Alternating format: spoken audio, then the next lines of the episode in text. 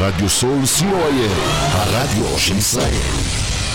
30 שניות על רדיו סול. רדיו סול היא תחנת הרדיו האינטרנטית הגדולה בארץ, המשדרת 24 שעות ביממה, מונה 36 שדרנים, מועברת בשם הוויזואלי. רדיו סול משדר במגוון סגנונות מוזיקה, מגוון גדול של תוכניות, אקטואליה, תרבות, הופעות live באופן, מיסטיקה ודרך חיים, יהדות וסקירת אירועים הישר מהשטח. ניתן להאזין לרדיו סול באפליקציית רדיו סול ישראל או באתר האינטרנט radiosol.co.il רדיו סול co.il הרדיו של ישראל עמותת קול נותן, המרכז לסיוע חברתי. עמותת קול נותן מסייעת למשפחות נזקקות, חיילים בודדים, נוער, נוער בסיכון, אנשים עם מוגבלות.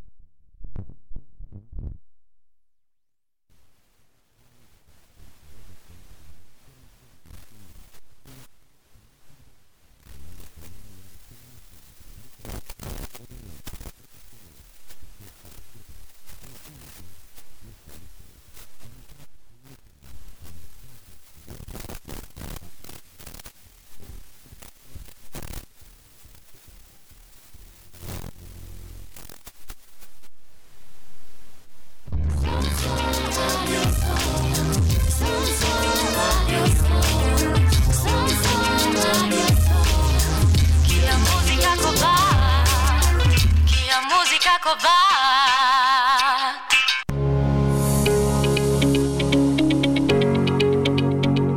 סקיני מינוס, לצאת מהמינוס ולעלות אל מסלול האושר, בהגשת ענבר ראם.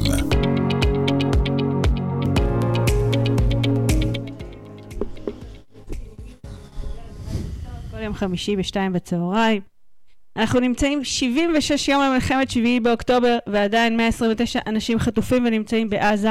הלב שלנו איתם ועם המשפחות שלהם, ונשלח תפילה שכולם יחזרו הביתה בקרוב, מקסימום עד השידור הבא. עוד שבועיים מתחילה שנת, אה, שנה חדשה, שנת 2024, וזה בדיוק הזמן לעשות התאמות. אה, והיום אנחנו הולכים לדבר על עולם ההשקעות בשנת 24. ולשם כך הזמנתי קולגה יקר, את נועם שפלטר, איש רב פעלים, יזם, מייסד אינבסטו קפיטל, בעלים שותף במכללת אורן שפלטר, זכיין גרנד קורדון בישראל, וזה רק חלק קטן ממה שהוא זה עושה. התקציר. שלום נועם. מה נשמע? אגב, לא שבועיים, אנחנו כבר אה, תשעה ימים. אה, אתה זה מקצר לי הולך את הזמן. ומתקצר, והולך ומתקצר כל יום שעובר. כן. אמ, אז התכנסנו לדבר על 24, אבל לפני שאנחנו מדברים על 24, בואו רגע נדבר על 23, בגלל שאי אפשר לא לדבר על מה שקורה וואו. פה בשלושה חודשים האחרונים. חודשיים, אני אני לא יודעת, אני חודשיים וחצי, אוקיי? אמ, תגיד לי, קודם כל, בפן האישי, המלחמה, איפה היא תפסה אותך?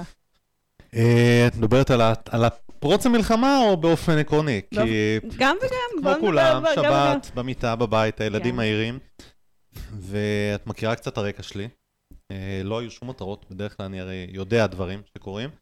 הפעם לא אה, היו- אה, לא הודיעו גם לך. כלום, כלום לא היה. אני רק אגלה לצופים שלא מכירים, ש... שאתה אתה מאלה שמקושרים יודעים שמקושר- הכל. בדיוק. אה, רגע, לא אמרתי דבר נורא חשוב. כן. שאנחנו נמצאים כרגע בלייב בפייסבוק של רדיו סול. ואם רוצים לשאול אותך שאלות, או להגיד תרשום משהו, שם, אז תרשמו שם ונענה נענה. ונשמח. וכדומה.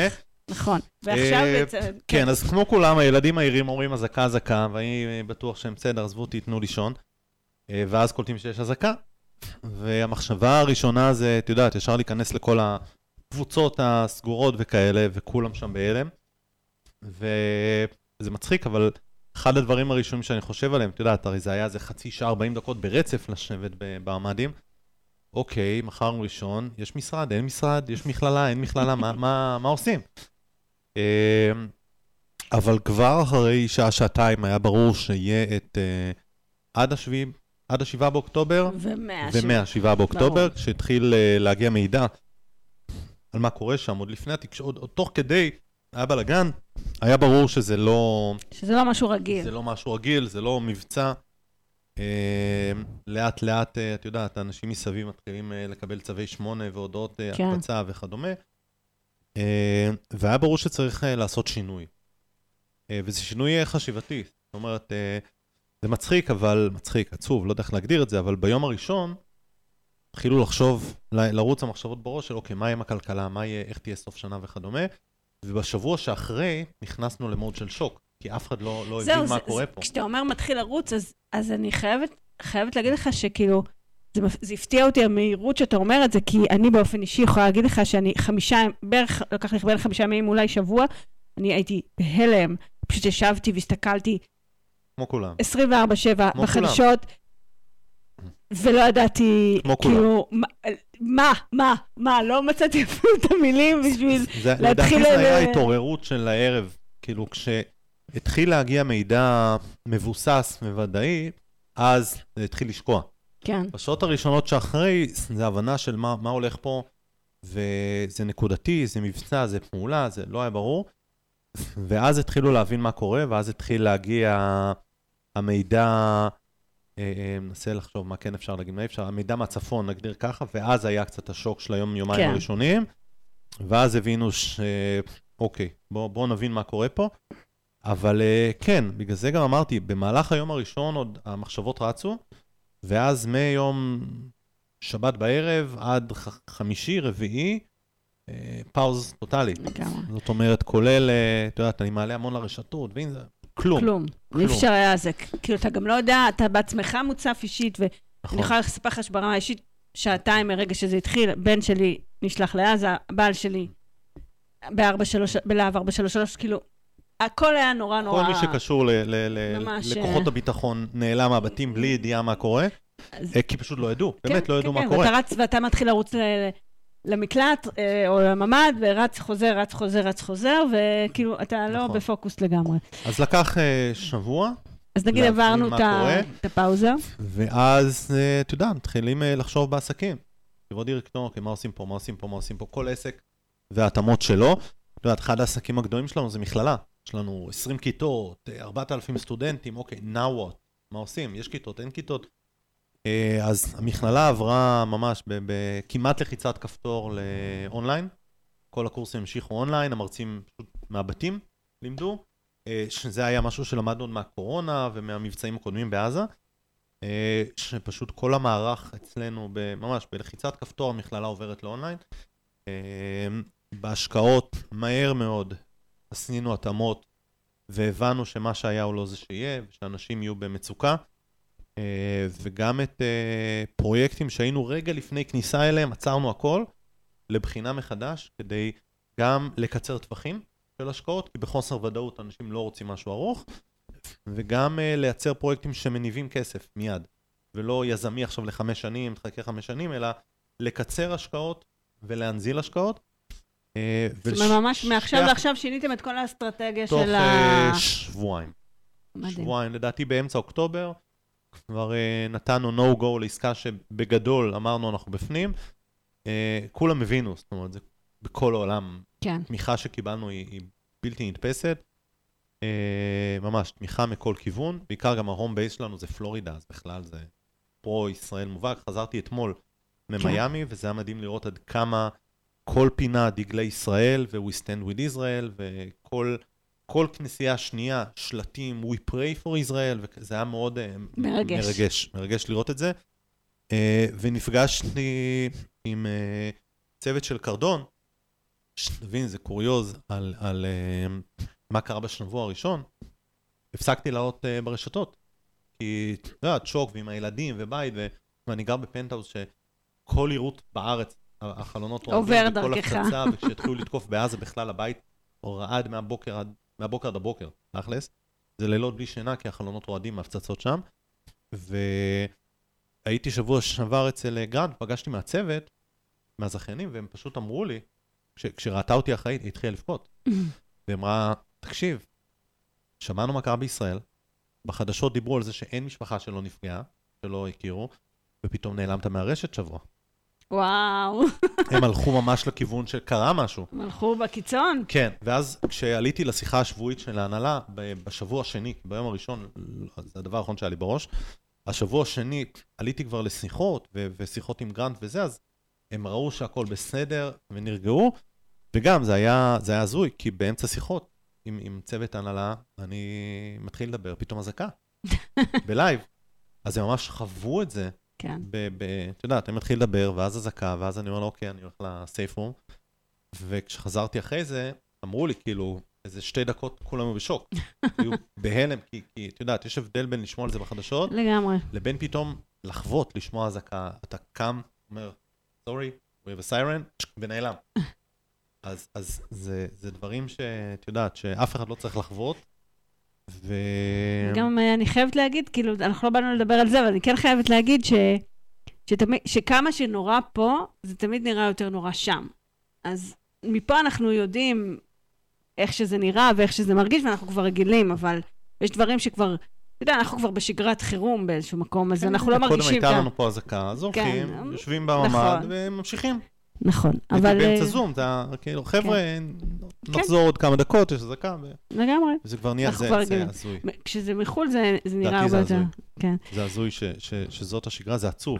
זה עצוב. שזאת השגרה, שברגע שאתה יודע, הטלפון מצפצף, ישר אה, שולחים הודעות בקבוצות המשפחתיות, זה גם שעה של בית ספר, אז בכלל הכל, לגמרי. אה, הכל ביחד. אמ, אתה חושב ששנת 23 זה ממש, המלחמה שינתה משמעותית עכשיו את, את כל מה שקורה? כאילו, הכל הולך להשתנות, הכל הכל הולך להשתנות. אה, אני רוצה רגע לעשות... אה, בהמון היבטים.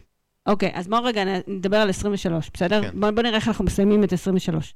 או בואו נגיד עד השישי לאוקטובר, אוקיי? יש לנו ככה. בעצם אה, בשנת 23 אנחנו נמצאים אחרי מלחמת אוקראינה-רוסיה. תוך ו- כדי, לא תוך- אחרי. כן, אנחנו עדיין תוך כדי. נכון, תחת השפעת, בוא נקרא, אוקיי. נגיד את זה ככה, והנגיד מתחיל להעלות את הריבית, מהמם. מעלה את הריבית עשר פעמים רצופות, עד לרמה של 4.75 אחוז של, של ריבית בנק ישראל, הפריים עומד על 6.25. עכשיו, אנחנו מדברים על אינפלציה שנתית, ביולי האינפלציה עמדה על 5 אחוז, בזכות העלאות ריבית, והמשק מתחיל, יש, מתחילה האטה של האינפלציה, מהמם. ולפחות מאז כבר אין לנו אה, העלאות ריבית, אנחנו כאילו בסטגנציה, מחכים לראות מה קורה, כשהיה ברור לנו באיזשהו שלב שאנחנו רוצים, אה, ש, ש, שהולכת להיות ירידה של הריבית. הולכת להיות, אה, הולכת להיות ירידה של את הריבית. זוכרת מתי אמרתי שהולכת להיות ירידה של הריבית? מתי, שדיברנו על זה? אני, אני, דיברנו על זה זוכרת מתי ב, דיברנו על זה? ביוני או ב- באוגוסט או ביולי, משהו כזה בפעם לפני האחרונה. הקיץ. כן. ומה אמרתי לך? אנחנו דיברנו על מאי, אבל, אם אני לא טועה, מאי 24, אבל, רבעון ראשון 24. רבעון ראשון, אבל לא מהסיבות האלה. זאת אומרת, חשבנו שיהיה האטה של האינפלציה, אבל לא מהסיבות מדברת על ישראל או ארצות הברית? ישראל. אה, אני מדבר על ארצות הברית. ישראל תמיד באה בדיליי. ישראל תמיד היא אחרי ארצות אבל הברית. אנחנו לא חשבנו שתהיה מלחמה. אף אחד לא חשב. אגב, מאוד הפתיע, מצד אחד הפתיע, מצד אחד לא הפתיע, שלא ירדה הריבית. בארצות הברית? בארץ. בארץ? למה הפתיע אותך? עכשיו? אני אגיד לך למה, עכשיו. כי בריבית האחרונה אתה מתכוון, או בכלל בחצי האחרונה. שנה האחרונה? הריבית האחרונה, לא, הריבית האחרונה הייתה כבר, קבלת ההחלטה האחרונה הייתה אחרי תחילת המלחמה. נכון. אה, אז אתה מדבר כאילו אחרי שהתחילה אני המלחמה. מדבר אחרי שהתחילה המלחמה. אני ציפיתי שהריבית תרד ברבעון ראשון, 24, אוקיי, בעקבות ארצות הברית. כן. אבל אה, בארצות הברית היא עוד לא ירדה. היא תרד. אוקיי. תרד פברואר, מרץ, תרד הריבית. אמ, וישראל, אם לא הייתה מלחמה, הייתה ישר אחריה מורידה. אגב, יש הרבה שיקולים למה ישראל לא יכולה להוריד לפני ארצות אני הברית. חושבת שהיא לא יכולה להוריד. היא לא אני- יכולה אני להוריד? חושבת שיש פה דילמה מאוד רצינית. יש דילמה מאוד רצינית, אני לא מקנא בנגיד. כן. עכשיו הוא קצת יותר רגוע, כי האריכו את הכהונה שלו, אז הוא קצת יכול להיות יותר בטוח כן. בהשפעות, אבל להערכתי הוא יוריד את הריבית, כי ככל שהמלחמה מתארכת, אה, נמצאים פה, הוא נמצא בדילמה מאוד קשה מצד אחד על לגמרי. שער הדולר, ויש לגמרי. פתרונות לזה, יש פתרונות לזה, ומצד שני, המעמסה על המשק. תחשבי שעשרה אחוז, יותר מעשרה אחוז, מאוכלוסיית ישראל מושפעת ישירות מהמלחמה, יותר, 15-20 אחוז, בין אם במילואים, בין אם מפונים, וכל אחד מהדברים האלה זה פגיעה בעסקים, פגיעה בהכנסה, פגיעה בהלוואות, פגיעה בכל אבל הדברים. אני מסכימה איתך לחלוטין, ויש לו שתי בעיות. כן. יש לו שתי בעיות ש... אתגרים, ש- לא שני נגדיר את זה בעיות, אתגרים. צודק, כי- שתי אתגרים שהוא לא יכול להעלות את הריבית בגללם. אוקיי. ובגלל זה הוא בדילמה מאוד קשה, לא מחליפה אותו. אחד זה לא הדולר, הייתי כמו- רוצה להחליף כן, אותו. אה, אחד זה הדולר, כמו שאתה ציינת, שאם, אה, ב- בגלל פערי הריבית, אם הדולר יעלה, זה יפגע פה ב... ביבוא, אה, יצטרכו לייקר את כל המוצרים שמייבאים, נכון. והשני זה החות'ים. ש... שגם פה זה, זה בסופו של דבר יעלה מחיר, יעלה מחיר, אני פחות חושב... אלא אם כן יעשו איזה משהו דרמטי, ו, וגם עוד משהו, ז, אה, אה, החקלאות, אין, אין אה, פירות וירקות. אז אם יהיה מחסור בפירות וירקות, זה גם יעלה את המחירים. זאת אומרת, יש נכון. פה דברים אחרים שיעלו, ש, שעשויים, כן, אבל קודם כל מחירי הדירות. יורדים. רואים את זה היום, בדיוק קראתי את הסקר האחרון, מחירי הדירות יורדים, ו... תכף נדבר על מחירי. הדירות, כי זה לא סתם שהם יורדים, זה קריסה טוטאלית של הענף, אז תכף נכון, נדבר על זה. נכון. אני התכוונתי, יש פה... יש ירידה מאוד משמעותית, אבל- איתך במיוחד על הנדל"ן. זה הדבר המשמעותי שיפגע במדד לדעתי.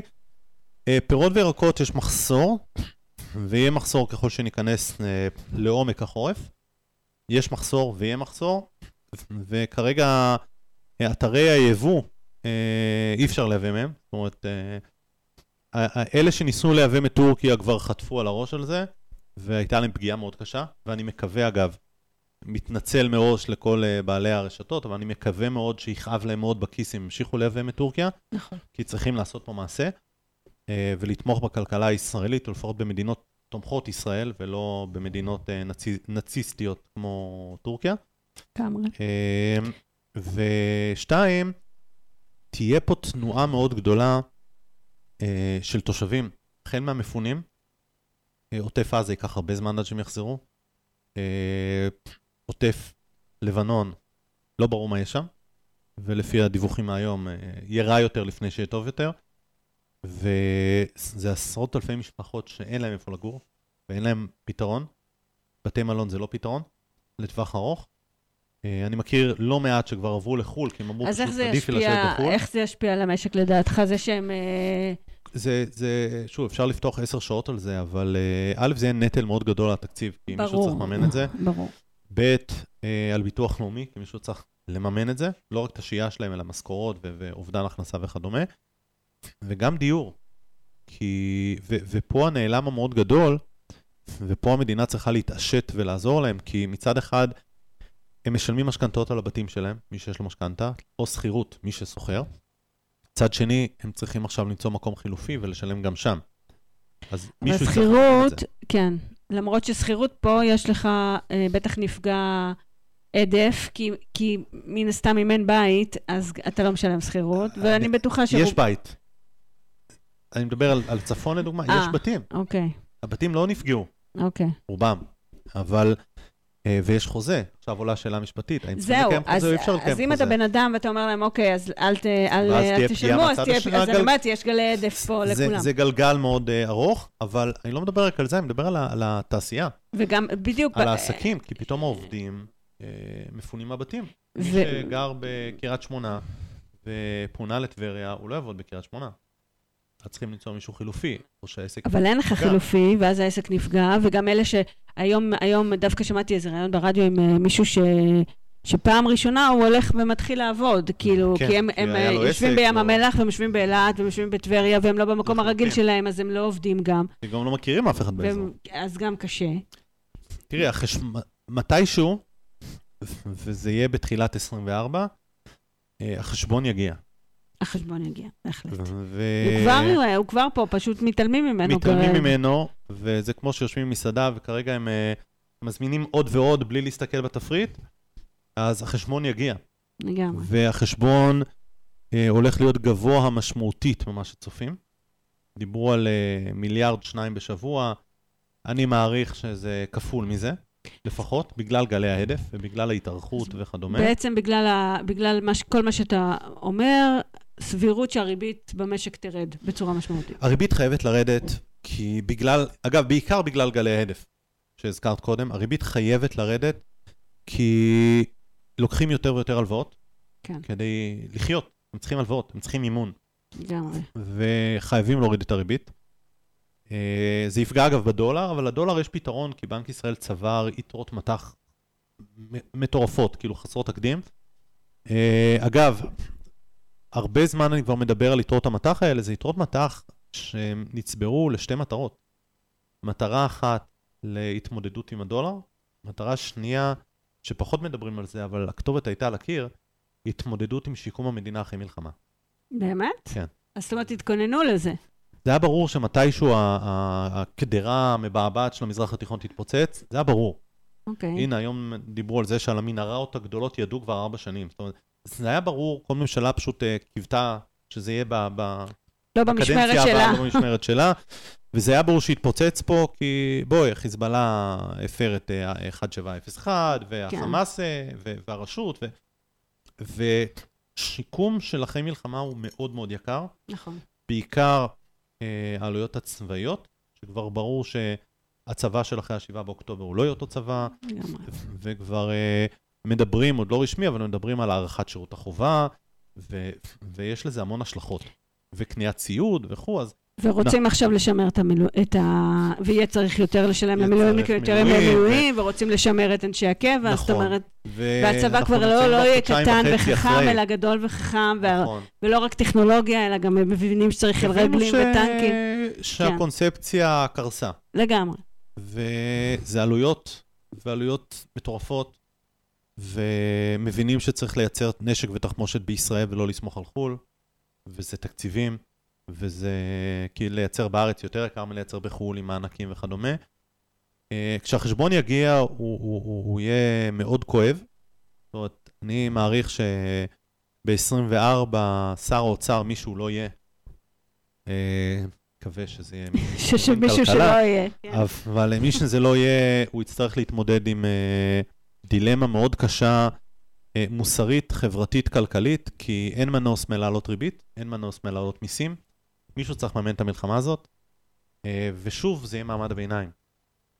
חשבתי, אה, בא לי להגיד לך אולי אורית סטרוק, אבל זה לא. ושוב, זה יהיה מעמד הביניים, זה יהיה מעמד כי הביניים, כן. בתוך עמנו אנחנו חיים ואנחנו יודעים ששום ממשלה לא יכולה להחזיק בלי אוכלוסיות מסוימות, ועם קריסת הקונספציה, המפלגות הערביות אה, נמצאו כלא ראויות להיות במדינה הזאת, ואני אני עד כדי כך כאילו... בוא לא ניכנס אה, לזה. לא, לא ניכנס לגמרי, אבל אני מדבר על, המנהיגים. בוא? ב... המנהיגים. במקום, במקום של לא, הכסף, על האמירות שלהם. על. האמירות שלהם. אז, אז לא, אני אומר את זה בהקשר שכל ממשלה, ממשלה שתעלה, ימין, שמאל, מרכז, ברור מי השותף שלהם. וזה לא יהיה השותפים שהלכו עם הכל לפיד. פה הולך להשתנות, בוא נגיד את זה אה, ככה. נכון, אז, והדברים האלה יעלו כסף בסופו של דבר, ויצטרכו, אה, מה לעשות, לשלם חשבון. וזה הרבה הרבה תקציבים, וזה תקציבים ששוב, אנחנו נשלם. כן. אז uh, מי שחושב שאחרי מלחמה המשק צומח, זה נכון, אבל uh, יחד עם הצמיחה יש גם חשבונות לשלם, והמע"מ והמיסים יעלו, ומיסי החברות יעלו, והמיסים הישירים והמיסים העקיפים, כבר מדברים על uh, מע"מ על כל מוצרי היבוא, כולל אמזון, כולל הכל, היה בעבר פטור של 75 דולר, אז כבר מדברים להוריד את זה, ויחפשו כל מקור אפשרי ל- ליצירת עוד הכנסות למדינה. כן, כבר מדברים על מיסוי של קרן ו- השתלמות, כן. לא יפתיע אותי, אני מקווה שזה לא יגיע לזה, אבל לא יפתיע אותי אם יכניסו יד לכיס של קרנות הפנסיה, כדי לממן חלק מהדברים האלה, כבר עשו את זה בעבר, אז כן. למה לא?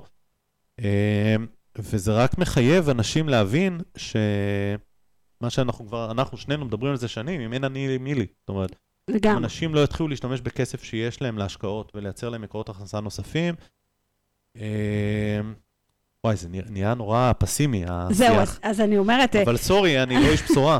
אז רגע, אז בואו, כדי אה, קצת ל- לשחרר את ה- את הפסימיות, בואו נצא להפסקה שהיא מוזיקלית, שיר אופטימי? שיר אופטימי, בוא ו- נעשה שיר אופטימי. ואחר כך אה, נמשיך ונתחיל, ננסה לדבר קצת, אה, לראות קצת יותר מגמות, אולי יש לנו מגמות אופטימיות בהמשך. בוא נראה איזה שיר אופטימי נשים לנו. לא לפחד להתאהב, שיישבר הלב, לא לפחד בדרך לאבד.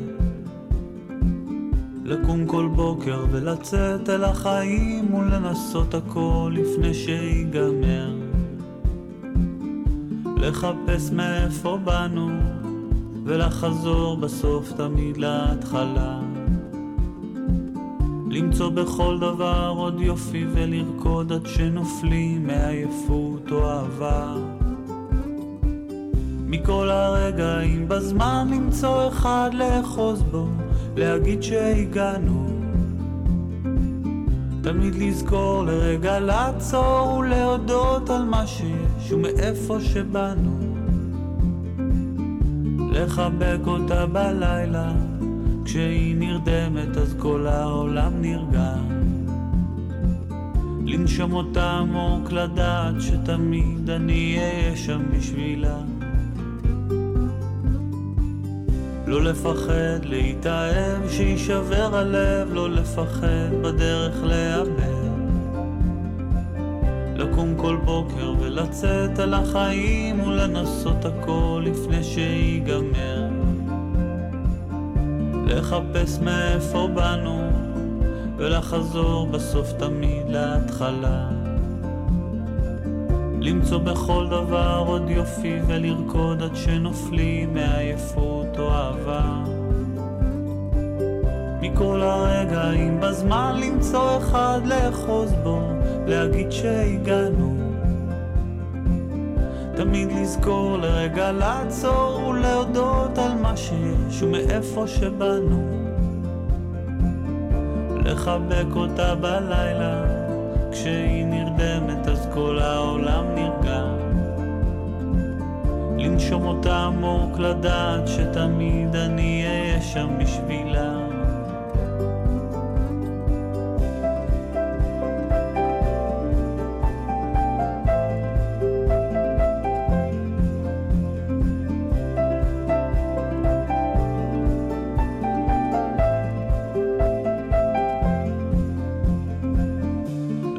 לחפש מאיפה באנו ולחזור בסוף תמיד להתחלה. למצוא בכל דבר עוד יופי ולרקוד עד שנופלים מעייפות או אהבה. מכל הרגעים בזמן למצוא אחד לאחוז בו, להגיד שהגענו. תמיד לזכור לרגע לעצור ולהודות על מה שיש ומאיפה שבאנו. לחבק אותה בלילה, כשהיא נרדמת אז כל העולם נרגע. לנשום אותה עמוק לדעת שתמיד אני אהיה שם בשבילה. מכל הרגעים בזמן למצוא אחד לאחוז בו, להגיד שהגענו. תמיד לזכור לרגע לעצור ולהודות על מה שיש ומאיפה שבאנו.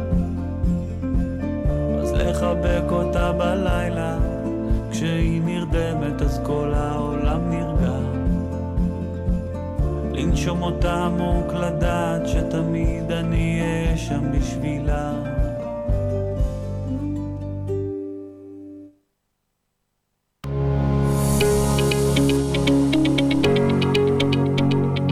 סקיני מינוס, לצאת מהמינוס ולעלות אל מסלול האושר, בהגשת ענבר ראם. חזרנו ואנחנו נמצאים עם נועם שוולטר.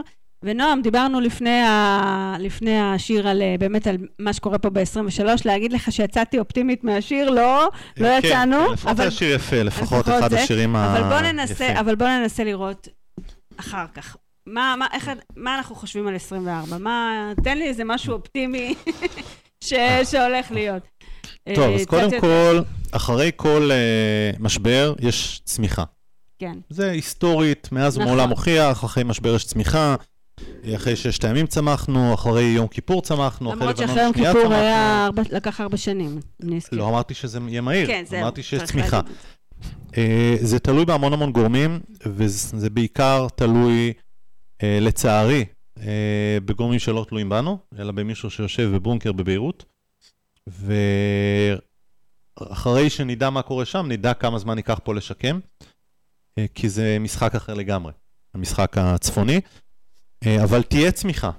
תהיה צמיחה ותהיה פריחה, וגם כל מה שקורה מהאנטישמיות בעולם, זה, זה טוב לנדל"ן בארץ. אה, בטווח הקצר תהיה מכה מאוד קשה לנדל"ן, מהרבה סיבות. א', בגלל כל המפונים וכדומה, אה, האזורים שחוטפים הרבה טילים, מן הסתם, אף אחד לא רוצה לגור שם בזמן הקרוב, עד שלא יהיה ביטחון מלא, אין פועלים? אין פועלים. עכשיו מתחילים להביא פועלים מחו"ל, אבל זה too little too late, מה שנקרא. ייקח זמן. אה, והרבה תלוי גם הפועלים מהשטחים מה יקרה. לא כל כך ברור גם שם, שזה רוב הבנייה באזור השרון, לדוגמה, זה פועלים מהשטחים. אה, אז גם שם עוד לא ברור מה יקרה, אז ברור שבתקופה הקרובה שוק הנדל"ן אה, ובואו יהיה רק מאוד נזכיר מעורער. שה- שכבר אנחנו נכנסנו למלחמה הזאת של שוק הנדל"ן בהאטה בגלל שהריבית עלתה. בגלל עליות הריבית, נכון. אני לא חושב שירידות הריבית הקרובות אה, יעזרו כל כך לשוק הנדל"ן, בגלל בגלל הגורמים. האחרים. בגלל הגורמים האחרים. אבל עוד שנתיים הולכת להיות פה קטסטרופה. מטורפת. תהיה עוד שנתיים, שלוש, תהיה פה בעיה, אבל גם אני חושב שהרבה דברים הולכים להשתנות ב- בכמה גורמים. זאת אומרת, יש, יש המון גורמים פה במשחק, קודם כל, אה, דירות בלי ממ"ד, אה, כבר לא ביקוש רלוונטי. אחר לגמרי, ואם ייפתח החזית הצפונית, אז ד- בתים בלי מקלט יהיו פחות אה, אטרקטיביים, כי זה משחק אחר שוב. אה, אז הרבה שינויים הולכים להיות פה, יהיו אזורים עוטף אה, שטחים, לדוגמה, אה, תלוי במה יקרה שם. יש פה כל כך הרבה סימני שאלה שלא כל כך ברור. אה, לעומת זאת, הצד האופטימי זה ששאר העולם, אם אנחנו הולכים רגע לעולם ההשקעות, שאר העולם הולך אה, לחוות צמיחה, בעיקר ארה"ב, צמיחה מדהימה בשנה, שנתיים הקרובות. אה, אירופה פחות, כי אירופה עדיין בבלבלות עם עצמם. יש להם בעיות כלכליות שם ברוב המדינות, יש להם בעיות עם התושבים שלהם. אה, מתחיל, אה, כל הלאומנים מתחילים להתעורר פתאום בכל אה, אירופה, כי פשוט נמאס להם מהמהגרים שהם החליטו שהמדינות שלהם, ורואים את זה כבר ב- ב- בגרמניה. בגרמניה, בצרפת, באנגליה כבר רואים כן. את זה. צרפת עולה פחות, אבל זה גם פחות. יגיע. כן. אבל...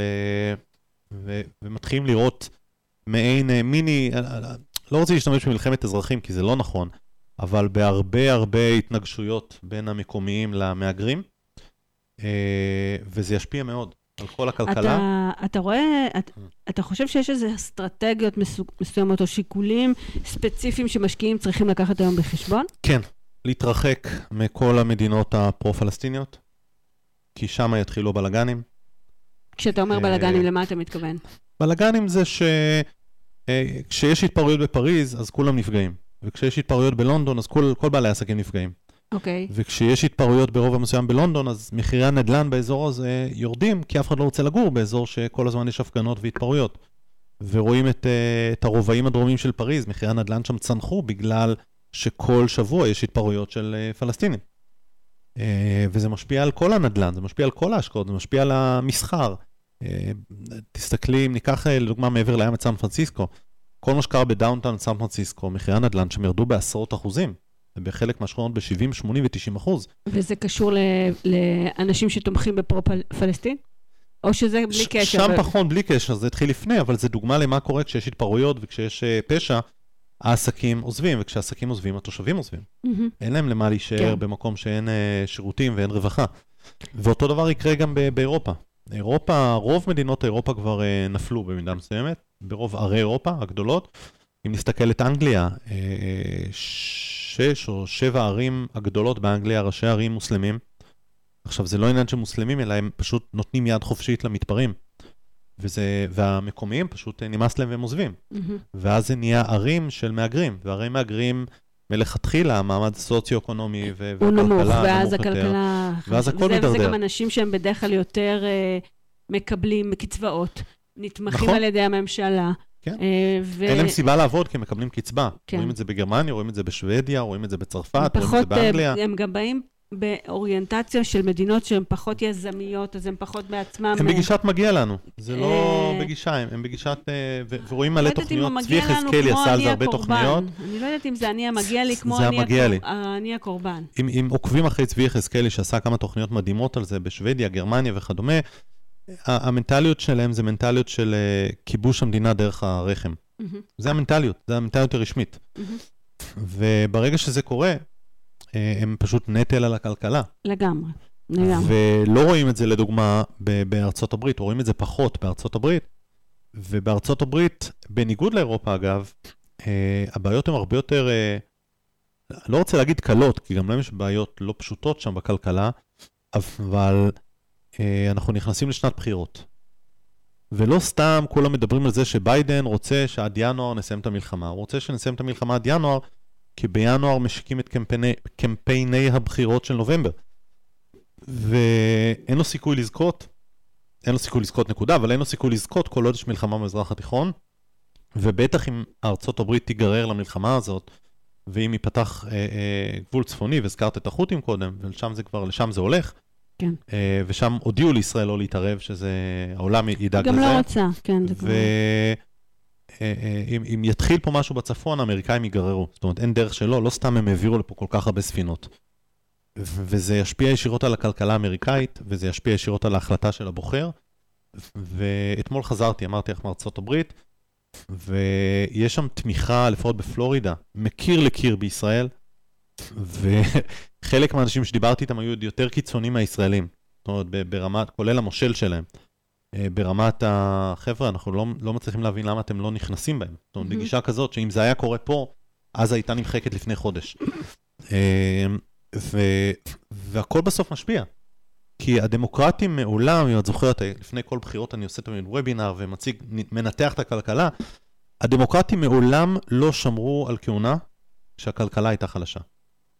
הדרך היחידה של הדמוקרטים לזכות, זה אם הכלכלה פתאום תצמח ותפרח, כי אין להם שום סיכוי מול טראמפ, שכרגע הוא מוביל בכל מדינות המפתח בשישה, שבעה ודווקא אחוזים. הכלכלה בארצות הברית היא כלכלה צומחת. אנחנו רואים את ה-S&P שעולה בצורה מאוד מאוד חדה. אנחנו רואים הכלכלה דווקא, דווקא בארצות הברית. יש לנו נתונים ריבית כלכליים מאוד מאוד מאוד אה, גבוהה. חזקים. ולכן, עד הבחירות, אני מעריך שיהיו שלוש או ארבע ירידות ריבית. אה, כי כל ירידת ריבית כזאת זה בוסט לכלכלה, זה מימון, זה לעזור לעולם הנדל"ן, וזה לעזור לעולם התעשייתי, וזה לעזור לעולם העסקי אה, ולעולם הצרכני. וכשלצרכנים יש כסף, כיף להם, וכשכיף להם, אז הם בוחרים במי שנתן כן. להם את הכסף הזה. ושנת 24 הולכת להיות שנה, אה, שוב, להערכתי, אבל אה, שנה מדהימה לשוק הנדל"ן האמריקאי. בגלל ירידות הריבית, אני יכול להגיד לך שמשכנתאות והלוואות בארצות הברית כבר מתחילות לתמחר את ירידות הריבית. הריבית. אה, הם מאוד מאוד בטוחים שהריבית תתחיל לרדת בסוף רבעון ראשון, ונערכים לזה. אה, וברגע שהריבית תתחיל לרדת וידברו על הכיוון למטה, היא לא תרד לאפס עוד פעם, זאת אומרת, זה לא יקרה.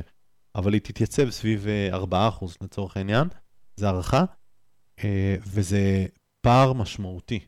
זאת אומרת, אמנם זה לא הרבה באחוזים, זה אחוז ו, אבל זה פער מאוד מאוד מהותי מבחינת האיזון הטבעי של נדל"ן. ומחירי הנדל"ן יטוסו. וכמי שעובד בנדל"ן בארצות הברית ובונה בנדל"ן בארצות הברית, בכל רחבי ארצות הברית, אני יכול להגיד לך שהמחירים לא יורדים. אין ירידות מחירים בנדל"ן, לפחות באזורים שאנחנו עובדים, בשבע מדינות, אבל לוקח יותר זמן לסגור עסקה. כי לרוכש לוקח יותר זמן לקבל הלוואה, מהמם. היום. היום. וברגע שהריביות ירדו, מספיק בחצי אחוז, הכל ישתנה. כי פתאום יקבלו יותר ריביות, יותר הלוואות, בריביות יותר שפויות, ואז והשוק אפשר יהיה לקחת יטוס יותר, למעלה. אה, יותר על אה, משכנתאות. נכון, השוק, יותר אנשים יהיו כשירים מה שזה למשכנתאות. אומר שכל כל בעצם, כל, מש... כל אה, פעולה שאתה עושה בעצם, כל, כל תיקון של משבר, אתה בעצם מייצר את המשבר הבא. מהמם. כי ברגע שיורידו את הריבית שעכשיו בחזרה, אז אה, יהיה עלייה של אה, שוק ה... יהיה עידוד של שוק הדיור מחדש, מה שייצור שוב פעם את העליית מחירים, נכון. שייצור שוב פעם את הבועה, שעד, ש... עד שזה אני, אני לא יודע אם זה בועה. או, ש... אני- או לא אני- בועה, אבל אה, כן אני יעלה נזהר עד לא שיעלו לקרוא לזה בועה. עוד שיעלו שוב את הריביות, נכון, וזה כי- כאילו אתה יוצר עכשיו את המשבר של בועה-. בועה נגררת, נגרמת מזה שאין סיבה כלכלית למה שקורה במחירים. כן. ולפחות בחלק ממדינות ארה"ב יש סיבה אמיתית לעליות מחירים. אם ניקח את אה, פלורידה לדוגמה, שהיום היא הכוכב של נדל"ן בארצות הברית, אנחנו עובדים מאוד מאוד חזק בפלורידה, ובשנת 24 מעלים הילוך בפלורידה. אה, בשנת 22 עברו לפלורידה מעל 700 אלף איש. 700 אלף איש, בהינתן לסטטיסטיקות האמריקאיות של אה, שלושה אחוזים, שלושה אנשים וחצי למשפחה, זוג ואחד עד שניים ילדים, זה אומר שחסרים בסביבות 200 עד 250 אלף בתים כל שנה בארצות הברית. בארצות, הב- בפלורידה. בפלורידה. אני מדבר רק על פלורידה. בנוסף לצמיחה הטבעית של פלורידה, שזה עוד כ-100 אלף בתים, ובמקביל לזה ניתנו היתרים לפחות מ-180 אלף בתים. מזכיר קצת את ישראל, הייתי מזכיר אומרת. מאוד את ישראל. והמחירים שם עולים ועולים ועולים. וכרגע הצפי, עוד לא פורסמו נתוני 23, אבל הצפי הוא שב-23 עברו יותר מ-800 אלף איש לפלורידה. מה שייצר עוד יותר עומס. זאת אומרת, נכון להיום חסרים בפלורידה בסביבות 1.6 מיליון בתים כדי לענות על הצורך. עכשיו, מתמטיקה פשוטה, זה ביקוש והיצע. כן. כשיש מחסור, המחיר יעלה. לגמרי. וזה, וזה דוגמה אחת מתוך ארצות הברית, שהרבה ערים, כשאני משקיע, אני מחפש את, ה, את ההגירה הזאת בצורה מאוד uh, מרכזית. אתה מדבר, ורואים את זה. הרבה, אתה מדבר הרבה על נדל"ן. אתה מהמם. היית מגדיר את עצמך כאיש אה, נדל"ן או כאיש שוק ההון? איש נדל"ן, בגלל, למרות הרקע המאוד uh, ענף ו- וארוך בשוק ההון, uh, לחלוטין איש נדל"ן, כי אני בגישה, ואת מכירה את זה, שמי שרוצה לעסוק או להשקיע בשוק ההון, שזה לא השקעה של לקנות מניה ולעזוב אותה עכשיו לשנה, אלא באמת להרוויח משוק ההון, אם אין לו את היכולת, א', ללמוד שעה, שעתיים ביום, ובנוסף ללמידה שעה, שעתיים ביום, לשבת על המחשב 6, 7, 8 שעות ביום, לעבוד בזה, שלא יתקרב. כי שוק ההון בתקופה האחרונה ובשנה הקרובה, גם זה צפוי להיות, אה, הוא שוק של מקצוע, מקצוענים. ובסופו של דבר הרוב יפסידו, כי השחקנים הוותיקים והמקצוענים הם אלה שמרוויחים. גם יש היום הרבה, כאלה. אל תשכח שיש היום הרבה בוטים, וזאת אומרת, נכון, נכון. אתה לא יכול, להתח... אי אתה כבן הסוחר. עצמאי, אתה לא יכול להתחרות בהם. ורק אה, מניות לטווח ארוך, שמבינים אותם אה, אבל. למה, למה לא להשקיע נגיד בדבר, ב... ש- כאילו באיזה שהם אה, או אה, מדדים, או איזושהי השקעה שהיא אפילו, אה, נגיד את זה לטווח ארוך, כאילו כמו אה, קופות גמל להשקעה, קרן פנסיה, קרן השתלמות, שאתה שם את הכסף, אתה כל חודש מגדיל את זה. כן, אבל. קוד, קודם כל, אה, כבר ראו ריבית במיליון דריבית. מחקרים שהנדל"ן, לפחות ב-20 שנים האחרונות, הכה את רוב מדדי שוק ההון. כשמסתכלים על טווח ארוך, אני לא מדבר על שנה פה, שנה כן. שם. אני אוקיי? דווקא רואה את המחקרים אה, אחרת, אבל בסדר. תלוי איזה מדדים, ה-S&P כן. זה משהו אחד, ויש כאלה שקונים קרנות על, או קרנות הייטק, קרנות זה, קרנות זה, אה, ואז הם מצמצמים יותר, זה קצת בעיה. אה, גם צריך לזכור ש-18% מהכסף שלנו מושקע כבר בשוק ההון. נכון. דרך הפנסיות, קרנות נכון. השתלמות וכו'. זאת אומרת, אה, השקעה כפויה בשוק ההון. זה לא שאתה יכול זאת לבחור, אומרת, אלא אתה אומר הכסף בואו שלך מושקע. נפזר את- את- את ולכן הביצים. פיזור, בדיוק. עכשיו, דבר נוסף זה שאחד העקרונות זה להגדיל את ההון ולייצר תזרים. שוק ההון לא מייצר לך תזרימיות נכון. בקרנות האלה. בטח לא בריביות שיש בטח לא. בריביות שיש, ו- ולא מייצרים תזרים. אה, וכשיתחילו לרדת ריביות, אז יהיו גופים שייפגעו ויהיו גופים שיעלו, ולרוב המשקיעים ה- הרגילים אין את היכולת לנתח ולהבין. זה כמו שאני אגיד, אוקיי, הריבית אה, תרד, איזה מניות יעלו? אז יהיו כאלה שיגידו, הריבית תרד, אז ה... סליחה, כשהריבית עולה, איזה מניות יעלו? אז יגידו, הריבית עולה, אז ההלוואות, אז מצד שני הבנקים מרוויחים הרבה יותר. לגמרי. אז צריכים להבין את השוק לפני שהולכים לשוק ההון, ובגלל זה, אה, בגלל ההיכרות שלי עם שוק ההון, ואת מכירה את הרקע עם שוק ההון, מי שאין לו את היכולת ללמוד שעתיים ולעבוד בזה עוד 6 עד 8 שעות ביום, שילך לקזינו, הסיכוי שלו שם יותר טוב.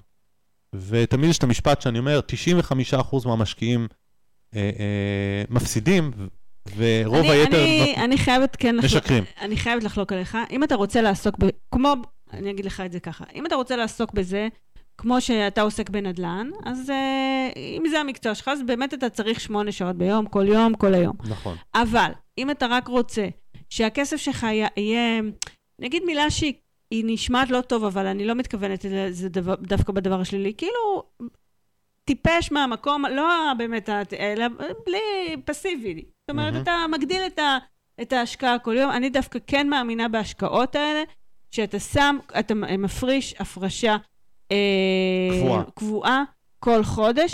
ואנחנו רואים את זה, רואים את זה, איפה אנחנו רואים את זה בעיקר? בקרן, בקרנות השתלמות שאנחנו לאורך זמן משקיעים, בקרנות, אם יש לכם קופות גמל להשקעה, פוליסות חיסכון, קרנות אבל נאמנות... התשואות שם נמוכות יותר ממצות פוטנציאליות לא, שאפשר אבל כשאתה בנדל"ן שם בתקופה לאורך. זמן, כל חודש, אנחנו רואים את אפקט הריבית דריבית, אז, אז עוד פעם, אני מסכימה איתך שזה לא נותן את התזרים השוטף, ופה. צריך...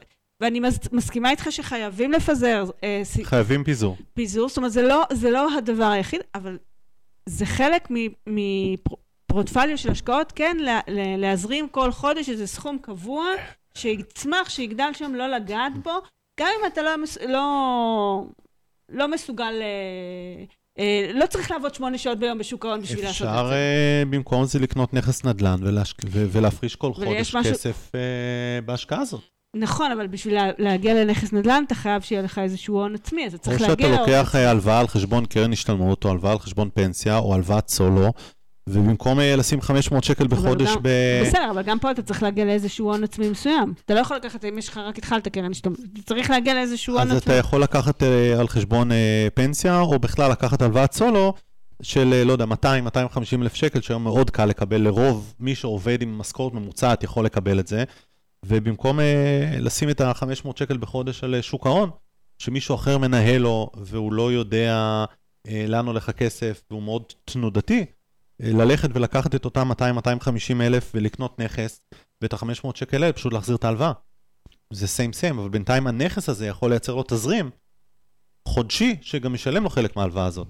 אוקיי. אז זאת, זאת לא- אסטרטגיית לא ש- השקעה שהיא, שהיא, שהיא לדעתך לצורך יותר העניין, טובה. היא לדעתי לא רק יותר טובה, אלא גם יותר יציבה ובטוחה, כי הוא קונה נכס שמייצר לו כבר תזרים. אוקיי. זאת אומרת, אם אתה אה, קונה נכס שמייצר לך, בוא נראה, מתמטיקה סתם, פשוטה, בסדר? אני לוקח כן. 250 אלף, אה,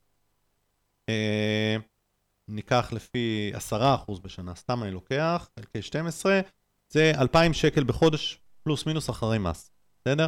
2,000 שקל בחודש, 250 אלף שקל הלוואה,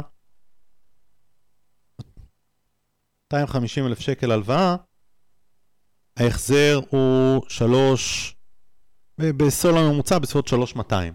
זאת אומרת, 2,000 שקל כבר יש לך להחזיר רק ממה שאת מייצרת. זאת אומרת, את מוסיפה עוד 1,000 שקל בחודש במקום נשמע- לחסוך. זה נשמע נורא פשוט כשאתה בנכס. מתאר את זה, אבל יכולים להיות מלא סיכונים. אתה לא מדבר כאילו על גם סיכונים. בשוק ההון יכולים להיות סיכונים. ראינו את השנים אין האחרונות שהוא הרבה השקעה יותר שהיא ללא. סיכון, אין השקעה שהיא ללא ברור, סיכון. אבל אם אנחנו הולכים ומסתכלים על, ה, על uh, נתון של uh, uh, שוק הנדל"ן, אם הולכים לאזורים יציבים וכדומה, אם לקחתי את פלורידה לדוגמה, שאת יודעת מה את עושה, או את הולכת עם גוף שיודע מה הוא עושה, את יודעת לייצר תזרים. את יכולה למצוא נכסים איכותיים. ונכסים איכותיים עם תזרים טוב, עם תזרים יציב ותזרים איכותי, ו... ואין שום סיבה לא לעשות את זה. אני אשאל אותך ככה. אה, הרבה מאוד משקיעים הם אה, משקיעי הום בייס. זאת אומרת, אתה בדרך כלל אה, אוהב להשקיע בדבר אחד. בדרך כלל במדינה שלך. ואתה... חבל. נכון. וזה מה שאני באה לשאול אותך. זאת אומרת, מה אתה, מה אתה חושב היום עדיף? חו"ל או, חו"ל. או להשקיע בארץ? חו"ל, חד וחלק. חד משמעית? חד משמעית. למה? עם כל כל- הסכנות שציינת קודם וכל המגמות כן, והאפשרויות. כן, כן. ו- קודם כל, אה, אין שם מלחמה. זה טווח קצר. אבל אוקיי. נניח ו, נניח ו, אוקיי? הריביות והתשואות והאפשרויות שיש בחו"ל הם בכמה רמות מעל ישראל, כמה רמות מעל ישראל, והסיכונים שם הרבה יותר נמוכים ביחס לישראל, בטח ובטח במצב הנוכחי, בטח ובטח אה, אה, עם מצב המלחמה. זאת אומרת, עוד לפני מצב המלחמה אני כבר, אני כבר אה, טענתי ש, שבישראל אין. עכשיו, העניין פה זה עניין אחר, זה לא רק הסיכון, זה גם עניין הפיזור, כמו שאת ציינת קודם, מהמם. זה גם עניין הפיזור, זה גם עניין האפשרויות, יש הרבה יותר אפשרויות. עכשיו, בארץ, לאן כולם הלכו? למשקיעים קטנים אני מדבר, לא מדבר על משקיעים של חצי מיליון דולר וכו', משקיעים קטנים. כן, דווקא... לאן הם הלכו? הלכו. לקנות אה, דירה שבורה בדימונה, והנתונים האחרונים זה שהדירות השבורות בדימונה, שדרות וכדומה, עוד בלי קשר למלחמה, ירדו ב-15%. כן. והיום יצאה כתבה שרוב האנשים שהשקיעו בשלוש שנים האחרונות מוכרים עכשיו בתים בהפסד. כן. כי רוב האנשים משקיעים בדברים שהם לא מבינים, או לוקחים מלווה משקיעים שלא מבין מהחיים שלו, שלוקח את הכסף מראש, והם אה, מרוויחים, אה, המלווה משקיעים מרוויחים בין אם הפסדת ובין אם לא, ואתה נתקע עם נכס שאתה לא מבין אותו, שאתה לא יודע איך להשקיע בו, שאתה לא יודע איך להתמודד איתו. אגב, אותו דבר בשוק ההון. החברה שמנהלת את הכסף, היא מרוויחה את הכסף שלה בלי קשר אם אתה עולה או יורד, היא מרוויחה ביחס למה שהיא מנהלת. ובניגוד לשוק ההון, כשאתה עושה עסקת נדל"ן איכותית, אתה לא יכול להגיע לאפס. יש לך קירות. בסוף יש לך קיר, יש לך לא רצפה, יש לך מדרגות. יש לך אולפן חדש. אולפן חדש, לא- כן, לא לא לשבור הייתי חזק. אז בסופו של דבר, בסופו של דבר, אתם צריכים לקחת בחשבון, אתם, הכוונה הם משקיעים, שאתם לא יכולים אה, אה, לקוות להשקיע אה, במשהו שאתם לא מבינים בו, אה, ו- ולהרוויח כל הזמן. זה לא עובד. בסופו של דבר, אם רוצים תשואה, יש סיכון. עכשיו, תמיד אומרים שיש יחס סיכון-סיכוי. נכון. העניין הוא שהיחס סיכון-סיכוי בישראל ובחו"ל הוא יחס הרבה יותר אה, קטן. בארצות הברית התשואות הן הרבה יותר גבוהות ביחס לסיכון הרבה יותר נמוך. בגלל הגודל, בגלל היציבות, בגלל הביטחון, בגלל הכלכלה, בגלל החוקים, בגלל אלף סיבות. ו- ולכן האפשרויות שיש בחו"ל הן הרבה יותר גדולות, הן מאפשרות לגוון, הן מאפשרות עם סכומים קטנים יותר. תגיד, הן מאפשרות עם סכומים קט- קטנים יותר להשקיע. בארץ כדי להתחיל, את צריכה מאות אלפים, במקרה הטוב. ואם את אה, הולכת ל- לערים ולדירות שבורות, אז זה מה שאתה תשקיע בו. זה כמו הישראלים שהולכים ב- ב- בכל מיני עצות אחיתופל לקנות אה, בית ב-30 אלף דולר בארצות הברית, ואחר כך הם אה, מאוד מופתעים שהם אה, מאבדים את הכסף, כי הם השקיעו בבית שאף אחד לא גר בו, ו... זה, זה, זה בסופו של דבר אה, אה, משחק של ניהול סיכונים. לגמרי. וכשאני מסתכל על ניהול סיכונים, אה, אני מסתכל איפה הסיכון שלי להפסיד יותר גבוה, והסיכון להפסיד יותר גבוה, אה, אני אומר את זה עם אה, עצב במידה מסוימת, הוא בישראל.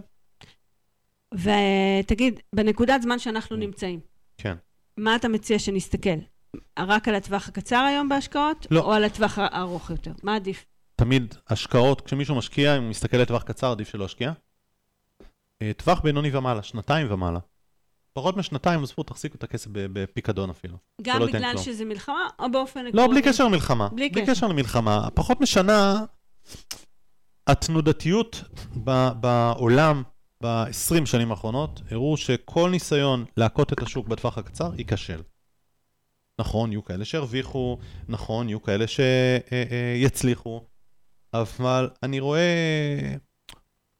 אתן דוגמה, בסדר? בעולמות שאנחנו פועלים, חברות הנדל"ן הגדולות, יזמי נדל"ן, אה, יש הרבה שמציגים את עצמם כיזמים, כשבפועל הם משווקים. בסדר? הם לא באמת אה, מעורבים בעסקה, הם יד שנייה או שלישית בעסקה. ואנחנו רואים מה קורה כשהריביות היו נמוכות, כולם הרוויחו, כי כל דבר שהשקעת בו עלה והרוויח וכדומה. אגב, פרה סאב פריים, 2008, אבל המצב שונה לחלוטין, אז זה לא יחזור. ואנחנו מתחילים לראות את כל אלה שהציגו את עצמם כמומחים וכדומה, ואנחנו יודעים שהם לא מבינים כלום, כי אנחנו רואים את העסקאות שלהם, עסקאות שאפילו לא הייתי, לא נכנסתי לנתח אותן, כי היה לי ברור שלא מרוויחים שם. פתאום הם מתחילים להפסיד כסף, הם מודיעים למשקיעים שלהם שהם הולכים להפסיד כסף, ועכשיו, זה נדל"ן, זאת אומרת, כל אחד יכול לפספס בהערכות שלו וכדומה.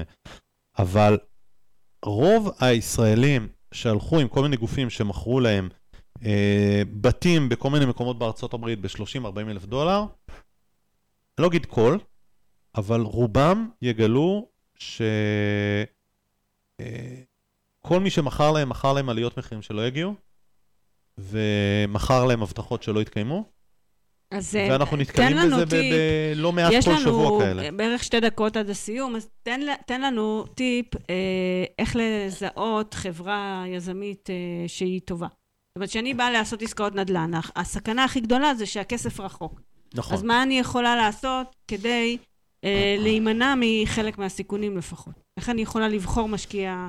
אה, אז אה, יש הרבה. אה, עקרונות לזה, אני יכול לתת. לך רשימה. שתי דקות? וואו, וואו, וואו. כן. וואו. שתי שעות אנחנו צריכים. אני יודעת. אז בואו ניתן כמה עקרונות. אחד, לשאול שאלות, לראות שהבן אדם מבין מה אומר. אוקיי? אה, לראות שהוא היה שם, לראות שיש לו נציגות בשטח והוא לא מדבר מרחוק. כל מי שעושה עסקאות מרחוק, אל תתקרבו אליו. שתיים, תשואה מובטחת. מי שמבטיח רווח, תברחו כמו מאש. אני, יש משפט שאני תמיד אומר לאנשים שאומרים, אה, מכרו לי דירה, אבל הבטיחו לי צ'קים מראש. אמרתי, עזוב, תרשום אתה לעצמך את הצ'ק, יהיה לך יותר בטוח. אם מבטיחים לכם תשואה מראש, זה אומר שאתה משלם לעצמך את התשואה הזאת. אין שום דרך בנדל"ן, ואנחנו מנהלים 600 מיליון דולר בנכסים היום. אין שום דרך להתחייב לתשואה בנדל"ן, אין דבר כזה, אין חיה כזאת, אלא אם זה, זה משהו שהוא אה, יוצא דופן, ודאי, שברור לך מה, מה, מה עומד מאחורי זה, בטח לא בבית ובטח לא משכירות, בסדר? שלוש, האם הכסף עובר דרך היזם? אם היזם נוגע בכסף, יש משהו מסריח פה. היזם לא אמור לגעת בכסף, הכסף אמור לעבור ישירות לפרויקט, ולא דרך יזם. אין בעיה דרך חשבון נאמנות, אבל לא דרך היזם עצמו. אתה לא צריך לשלם ליזם. שלוש, האם היזם משקיע בעצמו? אם היזם לא מושקע, והוא לוקח ממך כסף מראש על ליווי, ייעוץ, הוא מרוויח, ואם אתה תפסיד או לא תפסיד, הוא עדיין הרוויח. אה, שלוש, נכס קטן, סיכון גדול. כמה שנכס יותר קטן, הסיכון יותר גדול. אם אתה קונה בית ב-30, 40, 50 אלף דולר, זו עסקה בינארית, או שתצליח או שלא. או שהרווחת או שהפסדת הכל. כי יש דייר אחד, סיכון אחד, בנכסים בעסקאות כאלה אתה לא לוקח בדק בית, אז אתה לא יכול לדעת אם הגג אה, דפוק. או היסודות אה, אכולים, ו- ו- וזה הבדל בין אה, רווח גדול לבין הפסד. בעסקאות כאלה רוב הישראלים מבטיחים להם, תשקיע 50 אלף דולר, תרוויח 15 אלף דולר. גג חדש זה 20 אלף דולר. זאת אומרת, אתה צריך להחליף גג, לא רק שאתה לא מרוויח, אתה מפסיד.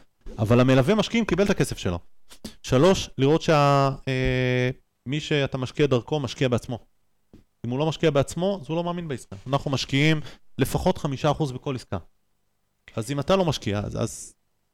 אם, אם, אם הוא לא מאמין בזה, אז למה שאתה תאמין בו? מהמם. נתת לנו מלא טיפים. אז נועם, אני רוצה להגיד לך תודה. תודה רבה שבאת. אה, אם אני אסכם ככה את השעה... כבר אה, עברה שעה? וואו, אתה רואה מה זה? וואו, הזמן מי אחרינו? אולי נודיע לו שזה, שהוא... אה, אתה תבוא שוב, לא תהיה לך אנחנו ברירה. נגיע שוב. אבל אני רוצה רגע לסכם את מה שאמרת, כי אמרת פה דברים, כמה דברים מאוד חשובים. קודם Mhm. כל, באמת אנחנו, הכ- הכל השתנה. נכון.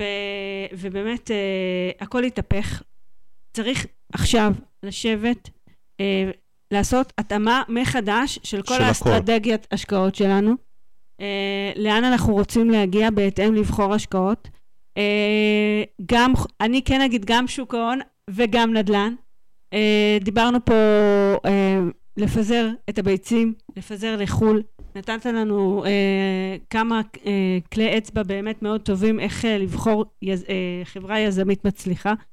ואני רוצה להגיד לך ממש תודה רבה ששיתפת אותנו בידע, ושיהיה לנו... ושכולם יחזרו הביתה. שכולם יחזרו הביתה בשלום בקרוב. תודה רבה. חברים, אנחנו נתראה ביום חמישי הבא בשעה שתיים. להתראות. שיהיה לנו שבוע מעולה.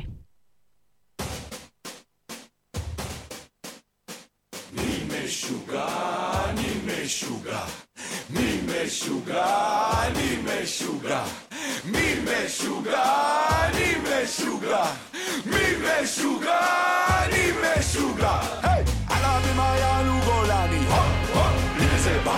עליו עם היעלו גבעתי, הו, הו, הנה זה בא. עליו עם היעלו נחלאווים, הו, הו, הנה זה בא. עליו עם היעלו תותחנים, הו, הו, הנה זה בא.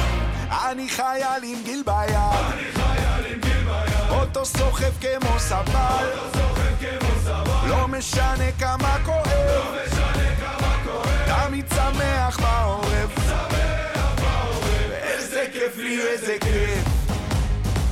עם אלונקה על הכתף. ועוד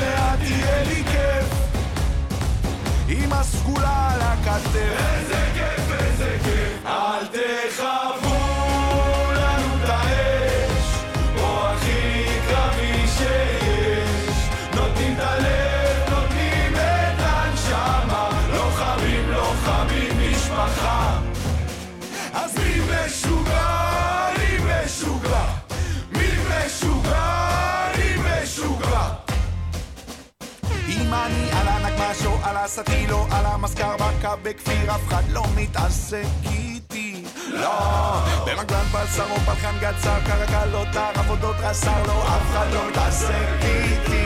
היי, זה רק אני והצוות, נותנים את הכל, יש מכלול של אויבים בשכונה, כן זה כל מה שיש פה. בגולן, במדבר, בהרים, בגדה, בבקעה,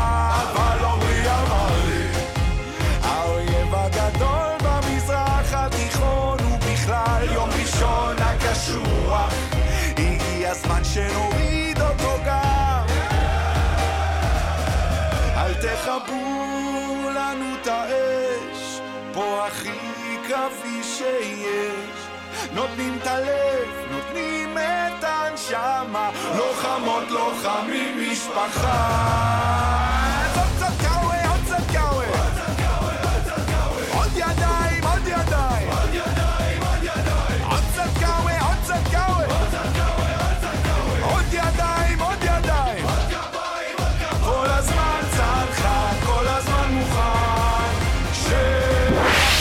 רדיו סול co.il, הרדיו של ישראל.